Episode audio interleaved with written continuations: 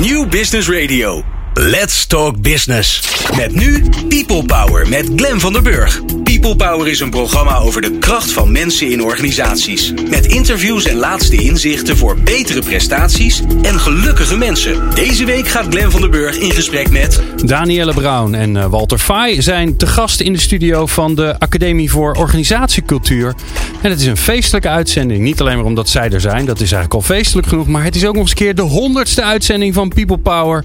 En in deze uitzending zeggen wij samen met Danielle en Walter: fuck work-life balance. En het is voor het eerst in 100 uitzendingen dat ik dat woord live op de radio heb gezegd. Nou, dat is nogal spannend. Ehm, ja, in de studio hebben we Danielle Brown. Zij is schrijfster van uh, een van de twee schrijfsters van het managementboek van het jaar 2016. Uh, de Corporate Tribe. We hebben hem hier ook in de studio liggen. Daar gaat ze straks een handtekening op zetten. Dat weet ze nog niet, maar nu wel.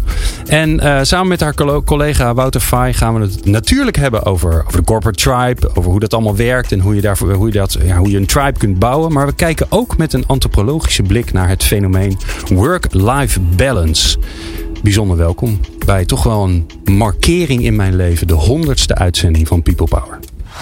People Power met Glen van den Burg. Nou, bijzonder leuk dat je luistert. Wij, ja, wij zitten er een beetje bijzonder bij vandaag. Want we, staan, uh, we zijn niet in Hilversum, zoals normaal. Maar we staan in een, van een ingewikkelde Transformer vrachtwagen. Waar een, waar een studio bovenop zit uh, bij de IBC, de, de Broadcasting Convention.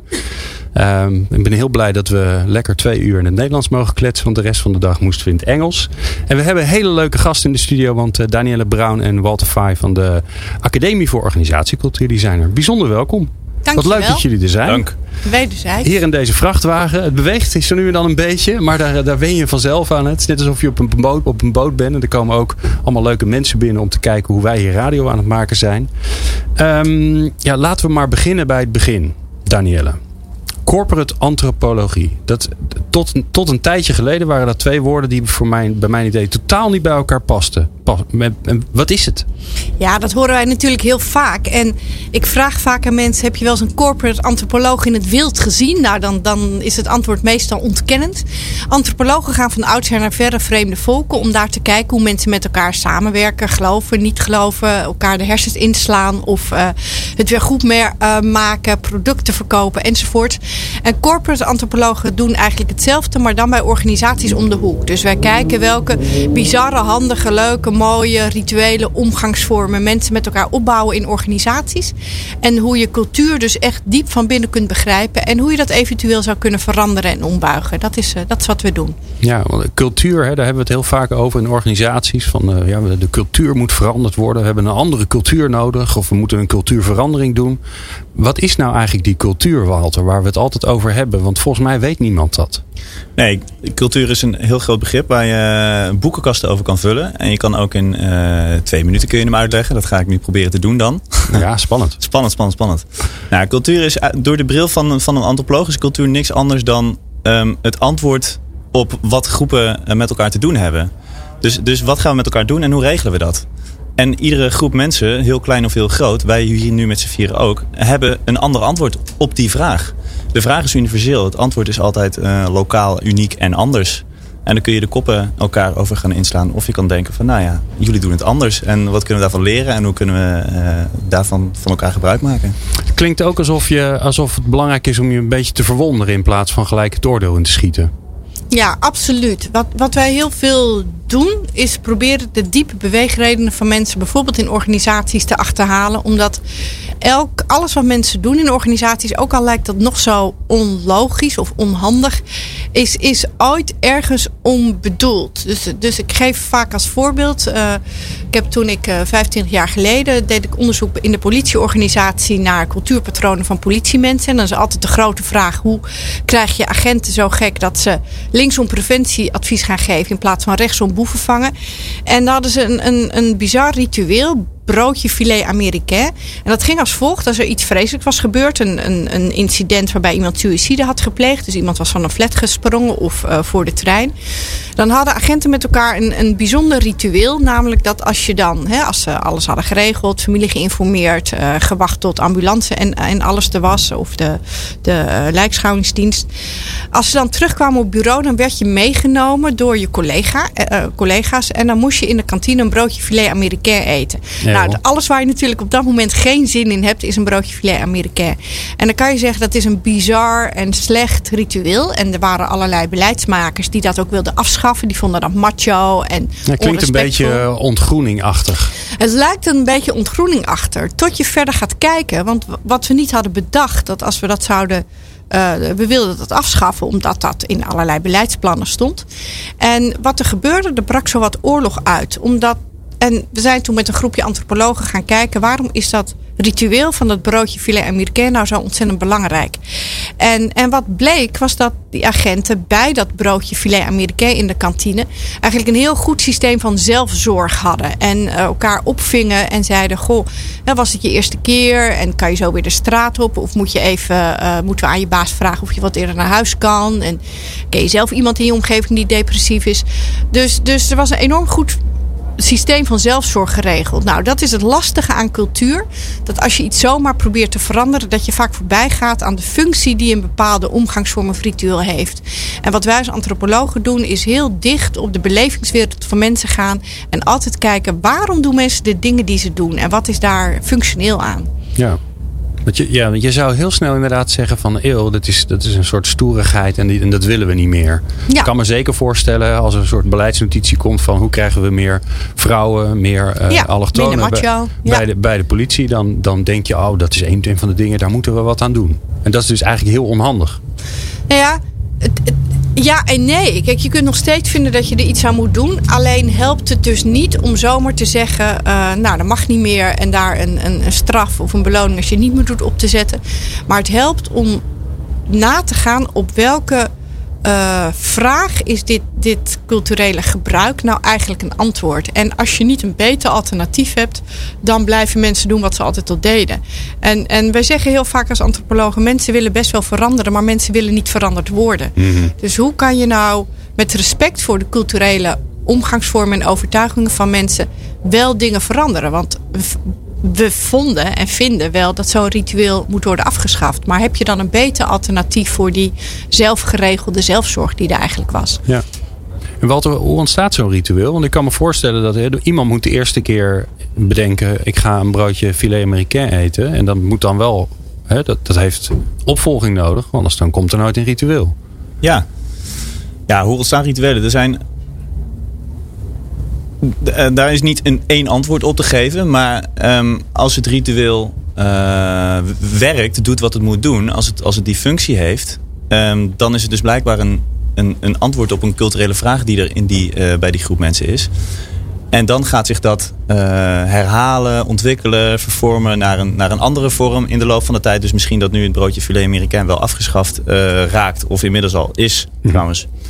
Uh, maar dat daar iets anders voor in de plek komt. Dus, dus het functionele deel daarvan, dat geeft een antwoord. Wat dus blijkbaar belangrijk genoeg is om te blijven uh, vastpakken. En in tijden van uh, nou, grote, heftige ontwikkelingen, zoals uh, zoiets wat Danielle net beschreef, suïcide of grote overgangen in het leven van de mens. Um, grote overgangen in, in tribes, uh, reorganisaties, fusies, dat soort dingen. Dat zijn uitgelezen momenten om gepaard te laten gaan met een ritueel dat die overgang uh, markeert. En welke vorm je daar dan uh, aan geeft, ja, dat is, daar geeft iedere groep een ander antwoord op. En, ja. ja.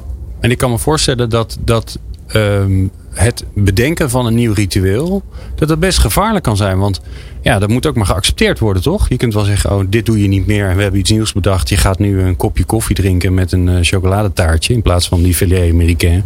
Maar ja, als mensen dat niet gaan doen, dan ben je je hele ritueel kwijt. En dus ook die nazorg voor de collega. Ja, klopt. Dus het is altijd heel belangrijk. Wat wij zeggen is cultuur verandert in dialoog. En in plaats van voor mensen te bedenken wat ze voor ander gedrag of andere rituelen ze met elkaar moeten hebben, uh, zeggen wij altijd: je verandert cultureel in cultu cultureel gedrag. Cultuur verander je in in, uh, door het dagelijks discours, de dagelijkse taal die mensen hebben over wat ze doen, om die te veranderen. Dus wat je te doen hebt, is dat je magische momenten creëert, tijd creëert, waardoor, waarop mensen met elkaar het gesprek aangaan. En dat klinkt al afgezaagd, moet je wel met elkaar praten. Maar ik denk dat het echt belangrijk is dat je momenten creëert waarop mensen met elkaar in gesprek gaan over wat vinden we eigenlijk zelf van dit broodje filet américain en waarom doen we dit eigenlijk. Dus um, cultuur verandert altijd in dialoog. Dus om op de goede momenten tijd te nemen om echt met elkaar stil te staan bij hoe doen we de dingen hier en wat hebben we eigenlijk voor uh, cultuur met elkaar gebouwd. Als het gaat om grappen, maar ook om het behalen van doelstellingen en KPI's. Zijn we daar eigenlijk blij mee? En, en werkt het nog? Of is de omgeving veranderd en is er nu iets anders nodig dan tien jaar geleden? Okay. Ja, en aanvullend misschien. Als je een ritueel oplegt en bedenkt vanaf de, vanaf de tekentafel, ja, dan is de kans best wel groot dat mensen zoiets hebben van, nou ja, uh, doe, doe maar niet. Hier hebben we niet zo heel veel zin in. Maar als je hem heel erg van, van mensen maakt, dan wordt het ineens weer leuk. Sterker nog, dan heb je ineens, dan is het spannend en gevaarlijk. Want dan is het een magisch goedje waarmee je misschien wel meer in gang zet dan dat je uh, oorspronkelijk bedacht hebt. Dus, dus, dus het is iets heel essentieels en, en belangrijk om te snappen dat, wat je aan het doen bent. Ja. Nou, daar gaan we zo zeker over verder praten. Ook vooral over hoe doe je dat dan. Uh, maar in het volgende blokje uh, kom ik bij jullie terug uh, met de vraag. het boek heet The Corporate Tribe. Ehm, hoe bouw je eigenlijk zo'n tribe? Dat hoor je straks. People Power. Inspirerende gesprekken over de kracht van mensen in organisaties. Met Glen van der Burg. En Danielle Brown en Walter Fay, want die zijn in de studio. Zij zijn van de Academie voor Organisatiecultuur. Um, en we hebben het over, uh, ja, over corporate antropologie. We hebben het net al even gehad over waarom die dingen nou überhaupt zich tot elkaar verhouden. Um, ja, Danielle, jij hebt een prachtig boek geschreven. Niet alleen maar uh, inhoudelijk, maar het ziet er ook nog eens een keer fantastisch uit. Ik ben er een beetje jaloers op. En um, het heet de Corporate Tribe. Dat is managementboek uh, van het jaar van 2016. Um, waarom zou een, een corporate, waarom zou een organisatie, waarom zou die een tribe willen zijn? Wat heb je daaraan? Ja, Jitske Kramer, mijn uh, zakenpartner, mede-auteur van de Corporate Tribe en, en ik hebben dit boek geschreven omdat we denken dat we ontzettend veel kunnen leren van wat we al weten. Over, overal op de wereld bouwen mensen tribes en uh, hebben ze te maken met, met vraagstukken rondom verandering en organiseren. En hoe doe je dat met macht en met inspraak? En uh, wij denken dat je geen nieuwe managementmodellen hoeft te maken, maar dat je gewoon kunt copy-pasten van alles wat we in de wereld weten. Dus wat wij doen is wij reizen de wereld rond op zoek naar best practices.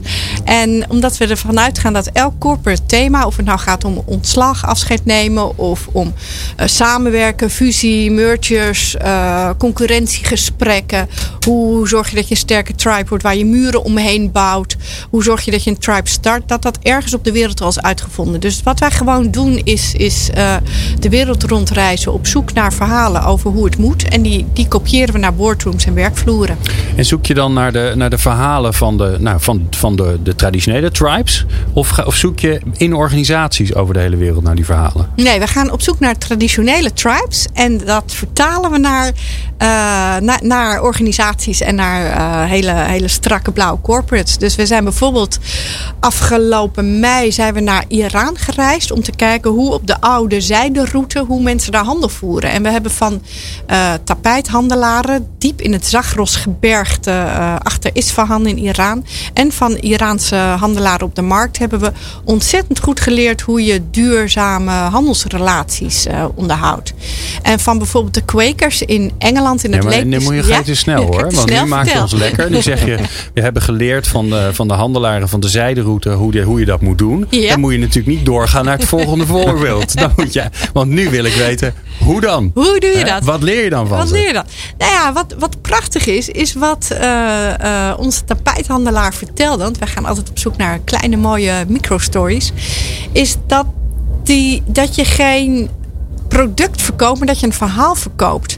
En onze tapijthandelaar die vertelde een prachtig verhaal over hoe hij zijn tapijt had gekocht van een nomadevrouw, waar wij later ook naartoe zijn geweest. En, en zijn verhaal was zo schitterend. Hij zei dat, dat hij met die vrouw aan het onderhandelen was over de prijs. En op een gegeven moment uh, vroeg die vrouw: Weet je wat de waarde is van dit, van dit kleed? Een heel mooi kleed met allerlei traditionele symbolen erin. En toen, nou ja, die tapijthandelaar stond een beetje uit te rekenen. Zo van, nou ja, dit en dit materiaal en zo groot en die omvang. Dus die kwam op een soort basisprijs en die wilde haar dat geven. En toen zei die vrouw, ja, maar weet je wat de waarde is van dit tapijt? Hij nog een beetje rekenen, nog een keer de hele exercitie over gedaan. En toen zei die oude mevrouw, die zei tegen hem... Jij weet nooit wat de waarde is van dit tapijt. Want jij weet niet hoeveel uur ik niet voor mijn kinderen heb kunnen zorgen omdat ik dit tapijt heb moeten weven. En jij weet niet hoeveel tranen er van mij in dit tapijt zitten omdat ik niet kon koken voor mijn man. En jij weet, zult nooit weten hoeveel pijn ik aan mijn handen heb omdat ik dit tapijt heb geweven. En je zult nooit weten hoeveel nachten ik niet heb geslapen voor dit tapijt. Dus hoe kan jij de waarde van dit tapijt bepalen? Nou, en, en met die lessen, dus wat, wat vervolgens wat handelaren zeggen, is dat alles wat je verkoopt moet goed zijn voor, hè, in hun frame voor, voor God, voor Allah, voor de wereld. Ook voor je medeverkopers. Dus je pleegt wel concurrentie, maar als jouw buurman op de markt uh, het niet redt, dan stuur je klanten door. Het moet goed zijn voor de klant, het moet goed zijn voor jezelf, omdat je anders niet kan overleven als, als uh, uh, handelaar. Dus ze hebben eigenlijk een soort hele checklist die je één op één kunt vertalen naar hoe doe je nou duurzame uh, handelsrelaties, hoe bouw je duurzame handelsrelaties op gewoon in je eigen winkel of bedrijf of groter in de, in de wereldeconomie. En het zijn hele simpele, mooie basic lessen die, die je zo één op één kunt overnemen. En dan hoor ik je daar dan ook in dit voorbeeld zeggen, uh, die prijs die moet tot stand komen tussen al die partijen. En die kan dus, het kan dus niet zo zijn dat je kijkt naar het stickertje.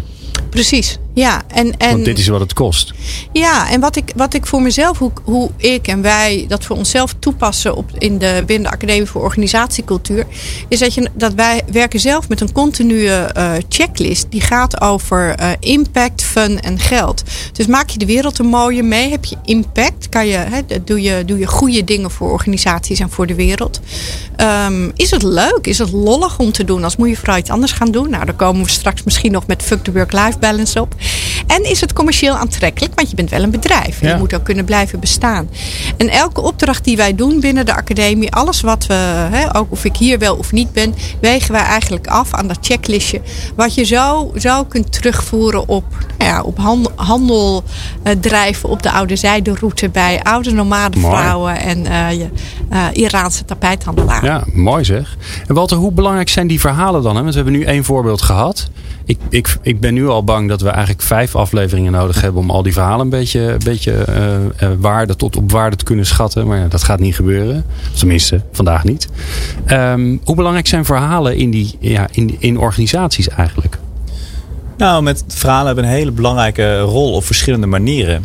Um, wat, wij, wat wij proberen te doen als antropoloog is, um, is met een, een klein verhaal of met een, met een kleine observatie een veel groter patroon en een veel groter uh, verhaal bloot te leggen. Dus in die zin is het. Is, wij, wij proberen verhalen te vangen. Dus wij proberen verhalen op te halen. En als we in organisaties met cultuur bezig zijn, dan gaan we echt tot in de krochten, tot in de steegjes, tot in de vergeten hoekjes gaan we kijken van waar, waar liggen hier nou verhalen die iets zeggen over deze organisatie en over hoe het hier gaat. En ook vooral dan waar de verhalen en de, en de werkelijke werkelijkheid er anders uitzien dan de papieren werkelijkheid van de beleidsplannen en de, en, en de KPI's en de milestones. Dus daarin is een heel belangrijke uh, signalerende rol voor verhalen weggelegd. En tegelijkertijd, als je, als je denkt van nou, we willen hier iets met, uh, met cultuur gaan doen, we willen hier iets in gaan veranderen, want we vinden dat het, dat het beter kan of anders moet, of hmm. noem een aanleiding. Um, dan is het verspreiden van verhalen een ongelooflijk um, mooie, belangrijke en stevige manier om een ander verhaal um, over hoe je met elkaar omgaat, over hoe je met elkaar je organisatie vormgeeft, de organisatie in te brengen. Dus, dus mensen gaan aan, mensen onthouden verhalen. Als het mooie verhalen zijn, zo'n zo'n verhaal over Iran. Ja, dat onthoud je. Als ik verhalen ga vertellen over Groenland en over de vissers die ik daar gesproken heb, die, die het ijs zagen verdwijnen en niet meer uh, genoeg vissen vingen om in het levensonderhoud van hun familie te voorzien. En dus taxichauffeur werden. En nou, zo kan ik nog even doorgaan. Dan zijn dat verhalen die je bijbleven, die een hele grote zeggingskracht hebben. En als je iets wil gaan veranderen, dan proberen we altijd een, een narrative of change. Dus een veranderverhaal. Waarom gaan we hier nou de dingen anders doen? Dus het heeft een grote signalerende en een grote intervenerende functie. Om hem even helemaal plat te slaan in uh, corporate ja. termen. Ja. Het grappige is, hè, Daniela, ik kan, ik kan me voorstellen dat als je dan, als je, als je dat gaat vertellen in organisaties, dat je tegen de cultuur van de organisatie aanloopt, die zegt, ja, verhaaltjes. Hè, we zijn hier wel met serieuze business bezig. Heb je daar dan geen last van? Ja, en, en nou, dat valt wel mee. Dat dachten we in het begin ook. En, en het, het gekke is dat als je het hebt met een, met een uh, CEO over wat is je strategienota, dan, dan, dan is het vaak ook een beetje een, toch een soort van nou ja, een moedje om het daarover te hebben. En als je het vervolgens hebt over, god, wat is nou jullie totem? Dus waar sta je nou elke maandag voor op? En waar ga je nou echt van aan? In plaats van over je missiestatement of je strategienota. Op de een of andere manier is die tribale taal, die resoneert dieper bij mensen. Dus wat wij soms merken is dat je dan opeens met de generaal van Defensie of met de CEO van, van een grote bank het opeens hebt over wat is jullie totem. En dat, dat is een ander gesprek dan dat je het hebt over ehm, nou ja, wat staat er in het beleidsplan 2018. Hoe komt dat? Ik denk dat het komt omdat het ten diepste gaat over wat ons mensen maakt. Namelijk over relaties tussen mensen. Dus de, wij noemen het vaak de white spaces between people. Of de roze of de blauwe of de groene of de, of de bruine. We zijn continu maar bezig met relaties vormen. Ook in organisaties. En ook sommige verhalen die wij vertellen zijn keihard. Ik, ik ben, en dan zeg je natuurlijk van... Oh jee, dat wil ik nu ook horen, dat verhaal. Maar ik ben dus... Oh, we kijken of we een cliffhanger kunnen doen. Zullen ja, we dat doen? We, we gaan kijken of we een cliffhanger kunnen ja, doen. Als je wilt weten hoe je moet concurreren. Dus hoe je gewoon keihard je concurrent eruit moet, moet zien te, te, te Rammen. krijgen. Rammen. Ja. Dan het helpt ontzettend goed om naar de koppersnellers in Sumatra te gaan. Om te kijken hoe doe je dat, koppersnellen met je concurrent. Nou, als dat geen cliffhanger is. Hoppa. Hoe doe je dat? Hoe werk je je concurrent eruit en door te kijken naar de koppensnellers? Dat hoor je straks.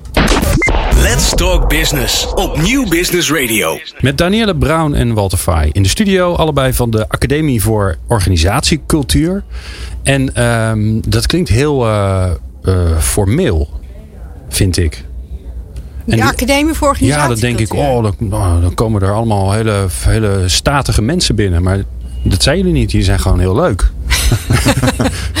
Toch? Kan, dat kan toch samen? Ja, En denk staat je het, dat? precies. Ja, ik vind het cultuur, eh, want we hebben het over cultuur vandaag. Ik dacht, ja, ik moet het toch even zeggen. Ik voel een soort van mismatch. Nou, maar dat kan aan is, mij liggen. Nee, maar dat is wel grappig. We zijn, dat, dat klopt denk ik wel. Ik denk dat we wel verschillende identiteiten hebben. We zijn en wetenschappelijk. We zijn een academie. We hebben gewoon leergangen en trainingen.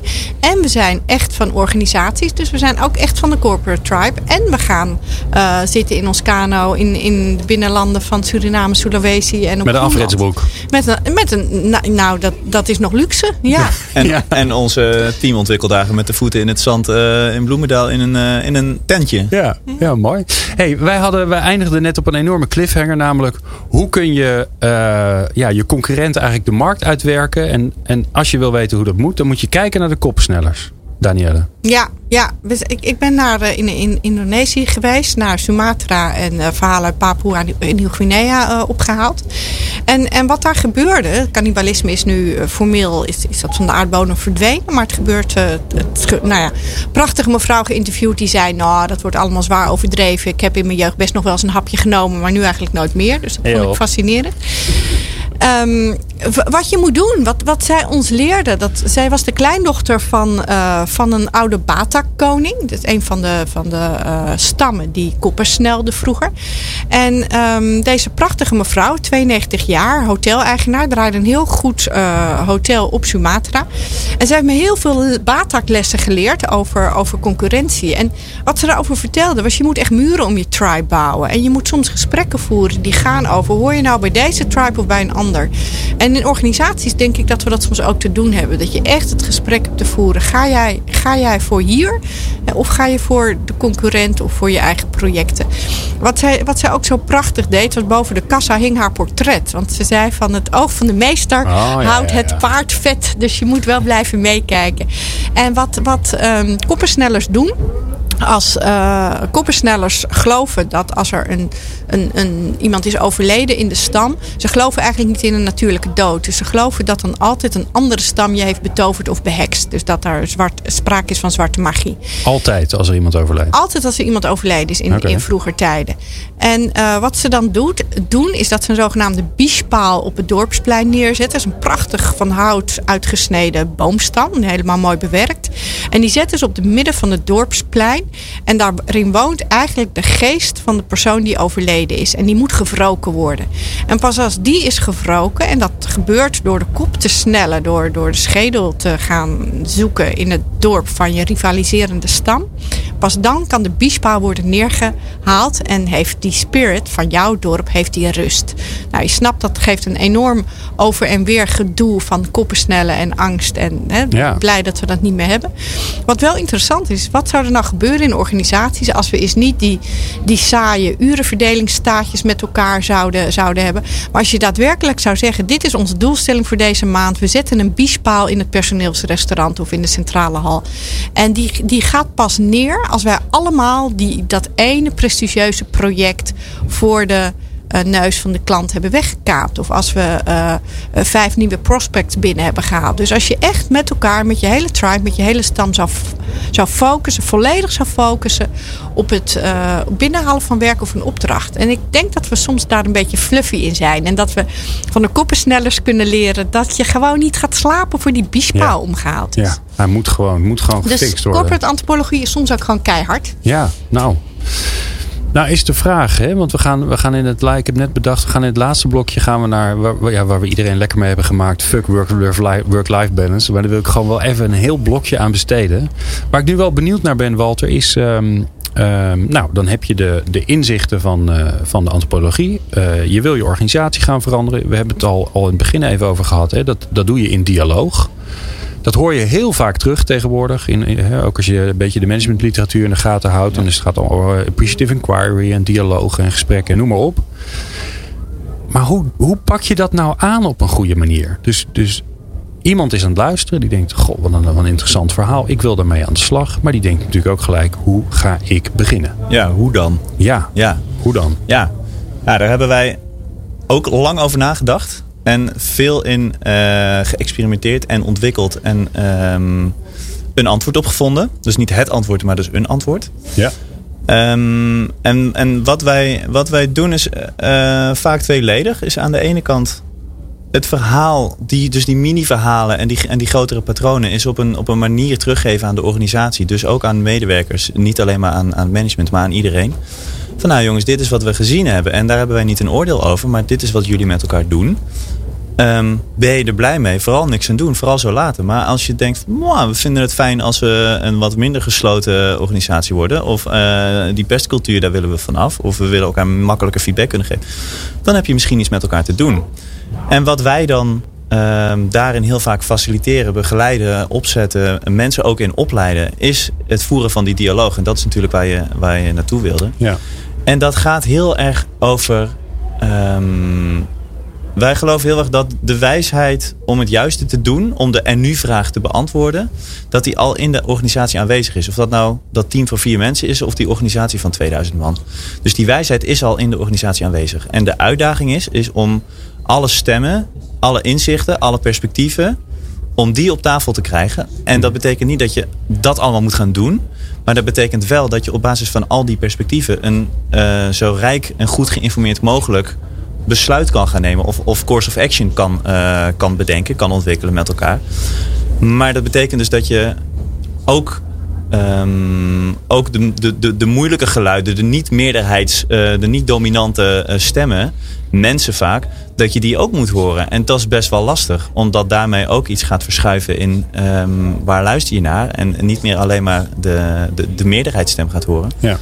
Maar dus ook die spannende minderheidsstem in die organisatie met alleen maar mannen. En wat je dan vaak hoort, hè, want ja, ik kom het toch ook nog steeds vaak tegen. eh, de directie eh, heeft bedacht dat ze iets anders willen. Die gaan met z'n vier in een hok zitten. Die hebben eh, iets nieuws bedacht. En dan vervolgens gaan we daar draagvlak creëren. Nou ja, hè, zeg maar de, de, de, de tussen aanstekens een beetje ouderwetse manier van doen. En als je het daar dan met ze over hebt, dan zeggen ze: ja, maar we gaan toch niet de Poolse landdag organiseren, zeg. Nee. hè? Waar iedereen maar wat te zeggen heeft. Hè? Want ja, dan gaat het alle kanten op. Ja, En, en eigenlijk zeg jij: laat het alle kanten op gaan. Laat het alle kanten op gaan. Ehm, en dat betekent niet dat het besluit alle kanten op moet gaan. Maar dat betekent wel dat je de, alle, alle input moet verzamelen die er is. En op het moment dat je. Wij, wij geloven erin, het is onze ervaring, laat ik het zo zeggen. Dat het een, een investering aan de voorkant van je proces is. Want als je het namelijk niet doet, dan gaan er twee dingen gebeuren. Ehm, dan kunnen er twee dingen gaan gebeuren. Laat ik hem iets minder stevig formuleren. En dat is aan de ene kant dat er gedoe ontstaat, omdat mensen zich niet gehoord voelen. Dus dat betekent niet dat die stem weg is, maar dat betekent dat die ondergronds gaat. Dat je, Mhm. dat je geroddel krijgt, dat je sarcastische grappen krijgt, dat, dat er een kloof tussen, tussen top en werkvloer ontstaat. Nou, het hele feestje, dat er, dat er sabotage op allerlei verschillende manieren gepleegd gaat worden. Dat is het ene wat er gebeurt. En het andere is dat je de, de, de rijkdom aan stemmen in je organisatie, die, die top 4, die ziet minder met z'n vieren dan de top 1000, zeg maar. Ja. Dus als je, als je die, die, die kennis en rijkdom van die werkvloer weet, weet, als je daarop weet in te pluggen, ja, dan gaat het ineens stromen. En dan heb je ineens een veel rijker besluit met elkaar. En, en, en als je dan een besluit neemt, dan zijn natuurlijk niet alle duizend zeggen, nou, goed idee, eh, handen op elkaar en dit gaan we doen. Er zijn altijd mensen voor wie het niet leuk is. En dan is een volgende vraag die wij vaak stellen, is van oké, sorry you lost your vote. Dus, dus we leven met je mee. Dat erkennen is al één stap. En dan de vraag stellen van joh, we gaan dit toch doen. Wij geloven erin eh, als chief of als MT of als directie dat dit wel het juiste is voor onze organisatie. Wat heb je dan nodig om erin mee te gaan? Hoe kunnen we jou helpen? En vanuit wat iemand nodig heeft als, als individu of als team, ehm, ontstaat, wordt vaak nog weer een stukje wijsheid toegevoegd aan het besluit. Wat eigenlijk voor de hele organisatie weer goed is. Oké, maar ik hoor je, Danielle, even checken voor de zekerheid dat ik het goed heb gesnapt. Uiteindelijk bepaalt de chief. Absoluut. die heeft geluisterd en die zegt: Oké, jullie hebben mij wijzer gemaakt, maar we gaan naar links. Ja, afhankelijk van het soort organisatie. Als je in een hiërarchische organisatie zit waar je bedacht dat chiefs dingen bepalen, dan moet je dat ook bepalen. En wij komen heel vaak in organisaties waarin we dat dan organiseren. Daar hebben we een bepaald model voor, zodat je al die input verzamelt. Uiteindelijk beslist die chief. En dan een dag van tevoren, voor we eh, zo'n zo'n eh, eh, GOSLA, Afrikaanse volksraadpleging bijvoorbeeld, met elkaar gaan hebben, zo'n dialoog.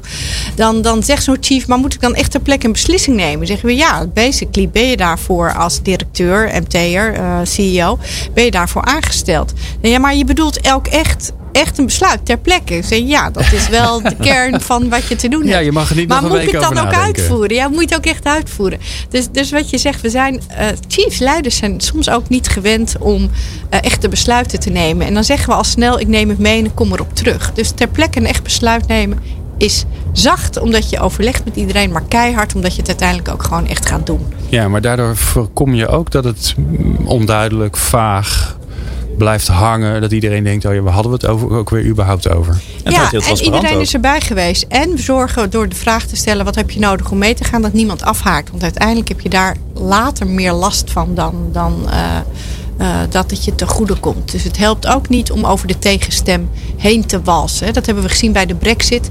Het is niet zo dat tegenstemmen verdwijnen omdat er een meerderheid is. Zo werken wij mensen niet. Mhm, Mooi. We gaan eh, straks eh, gaan we naar eh, de mooie uitspraak. Die we eens flink gaan eh, doorgronden. Waarom die uitspraak er eigenlijk is van, eh, van Danielle en van Walter. Fuck le work-life balance. Meepraten of meer programma's? people-power.nl Met de komst van internet, laptops en smartphones kun je overal en altijd werken. In veel bedrijfsculturen gaat men er ook vanuit dat je binnen een uur op een e-mailtje reageert. Terwijl dat toch ooit de vervanging van de brievenpost was. Dat is slecht nieuws voor je werk-privé balans. Of toch misschien wel niet. In de studio hebben we Danielle Brown en Walter Fay van de Academie voor Organisatiecultuur. En die zeggen volmondig, diep vanuit hun hart, fuck work-life balance.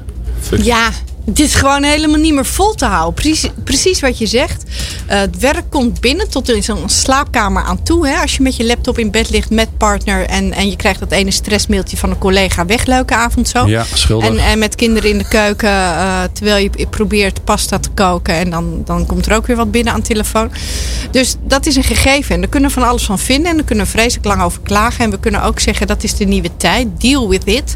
En ik denk dat we ontzettend hard op zoek moeten naar nieuwe manieren om te zorgen dat we kunnen omgaan met meervoudige rollen en met meervoudige identiteiten.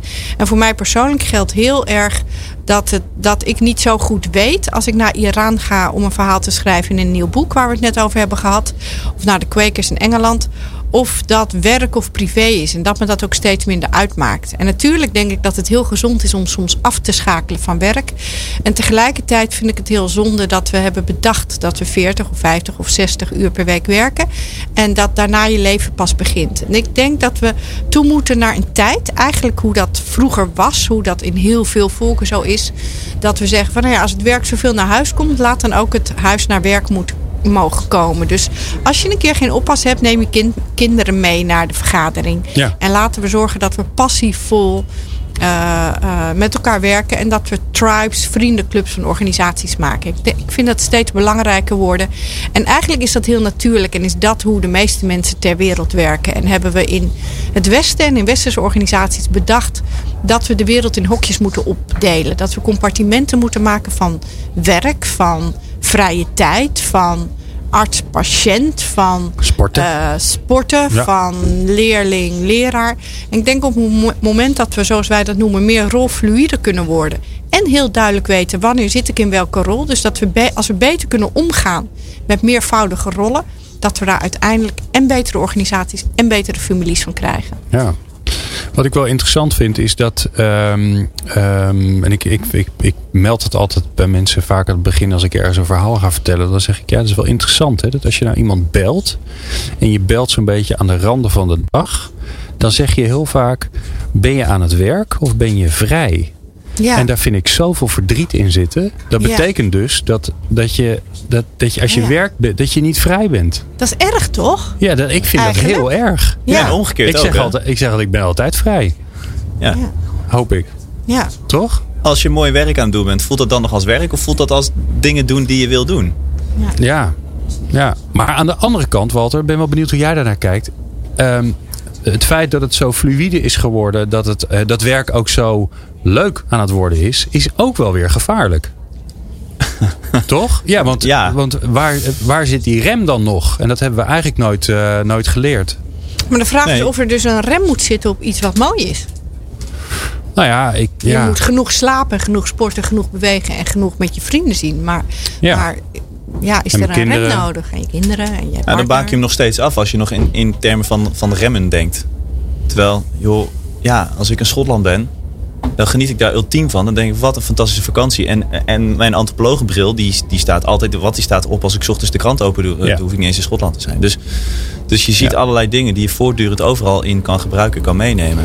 En hoe kijken jullie dan naar de, naar de, zeg maar de jongere generatie die nu... eh, Walter, ik weet niet hoe oud jij bent, maar het zou best kunnen dat je erbij behoort. En anders dan doe ik dat nu, dan heb ik weer een compliment gemaakt. Eh, Of niet, ja. Of juist niet, ja. Oh, shit. Ja, Nou, Danielle moet je maken. Ja, bij Danielle ga ik hem zeker maken. Maar die zit er sowieso in. Daar hoef ik niet over na te denken. In my dreams. Ja, dat is leuk hoor, visual radio. Maar ik heb, Ja. volgens mij kan iedereen nu zien dat ik lichtelijk aan, rood aangelopen ben. Maar die, die, die, jongere, die jongere generatie, die brandt aan alle kanten af. Want, en, en mijn interpretatie daar- daarvan is, van, en die willen en ver reizen. En die willen eh, hipper de pip eh, lekker dansen in het weekend. En ze willen snelle carrière. Dus die willen, die willen al die rollen, die willen ze allemaal. Ja. Maar dan wel to the max. Ja, ik ook. Ja. Jij ook, Ja, ja. zeker. En wil dat een beetje. Soms wel, soms minder.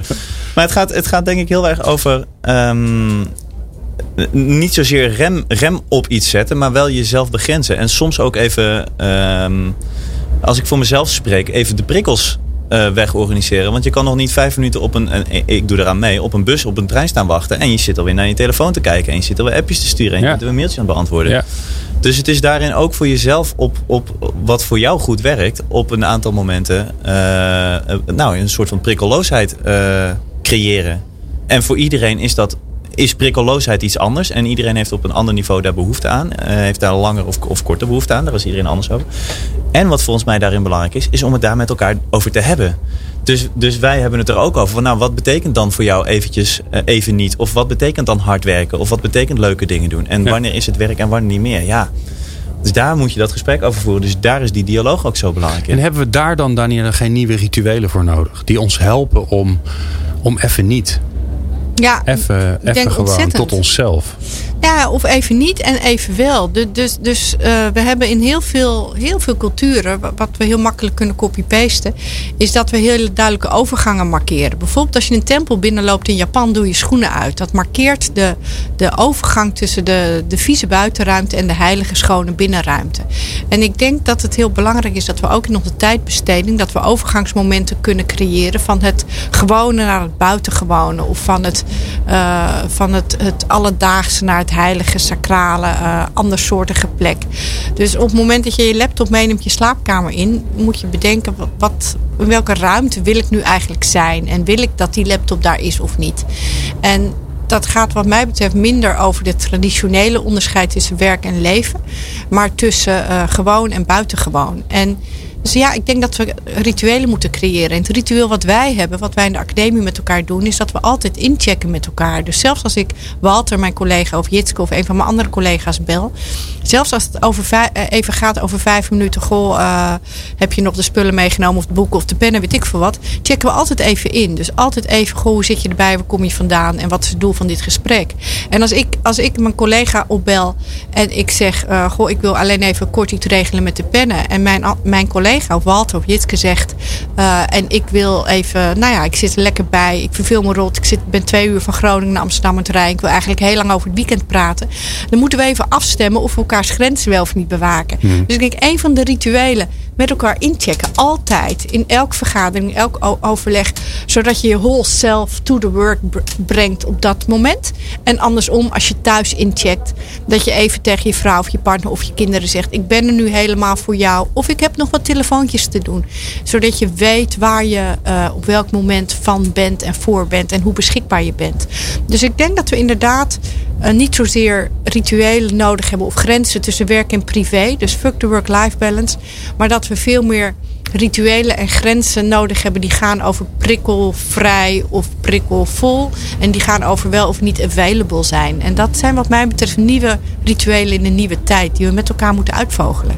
Alright, dus niet die oude muurtjes terug, maar nieuwe fluïde uh, zachte Barbapapa-achtige dingen waar je even in kan gaan zitten als je even geen zin hebt of even gewoon wil chillen. Ja.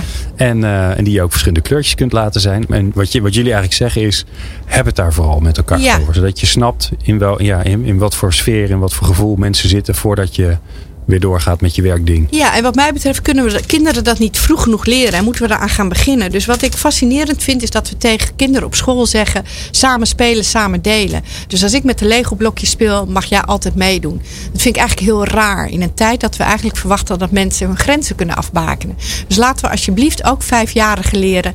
Ik ben nu met de Lego-blokjes aan het spelen en dat wil ik heel graag even alleen doen. Nu nou, even niet. Nu even niet. Nu even niet. Nu even niet samen, nu even lekker alleen nieuw onderwijs en nieuwe omgangsvormen en nieuwe, nieuwe grenzen en dialoogvormen, denk ik. Ja, mooi. Ik wil jullie heel erg bedanken, Danielle Brown en Walter Fry, voor, uh, voor het afgelopen uur. Het uur zit er alweer op. Het, ja, dat is, dit is altijd zo. Het is heel raar als er microfoons zijn en schuifjes en lampjes. Dan vervliegt de tijd. En dat is altijd een goed teken. uh, ik vond het heel fijn dat jullie er waren. Ik heb ervan genoten. Ik hoop jullie ook. Um, wij gaan nog een uur door. Uh, voor jou uh, daar thuis die aan het luisteren is. Of waarschijnlijk degene die als je onderweg bent met je, met je koptelefoontje op. Um, oh ja, en nee, voordat ik dat ga doen, want dat vergeet ik toch bijna. We hebben een exemplaar van de Corporate Tribe. Die had ik nog thuis liggen in een voorraadje.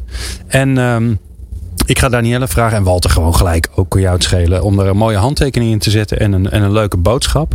En die kun jij winnen als je dat wil. Uh, het enige wat je daarvoor hoeft te doen is dat je even op één van onze kanalen. Twitter, Facebook, LinkedIn, uh, op onze website. Dat je even gewoon je, je, naam achter moet laten. Meer hoef je niet te doen. Dan kan je dat prachtig boek winnen.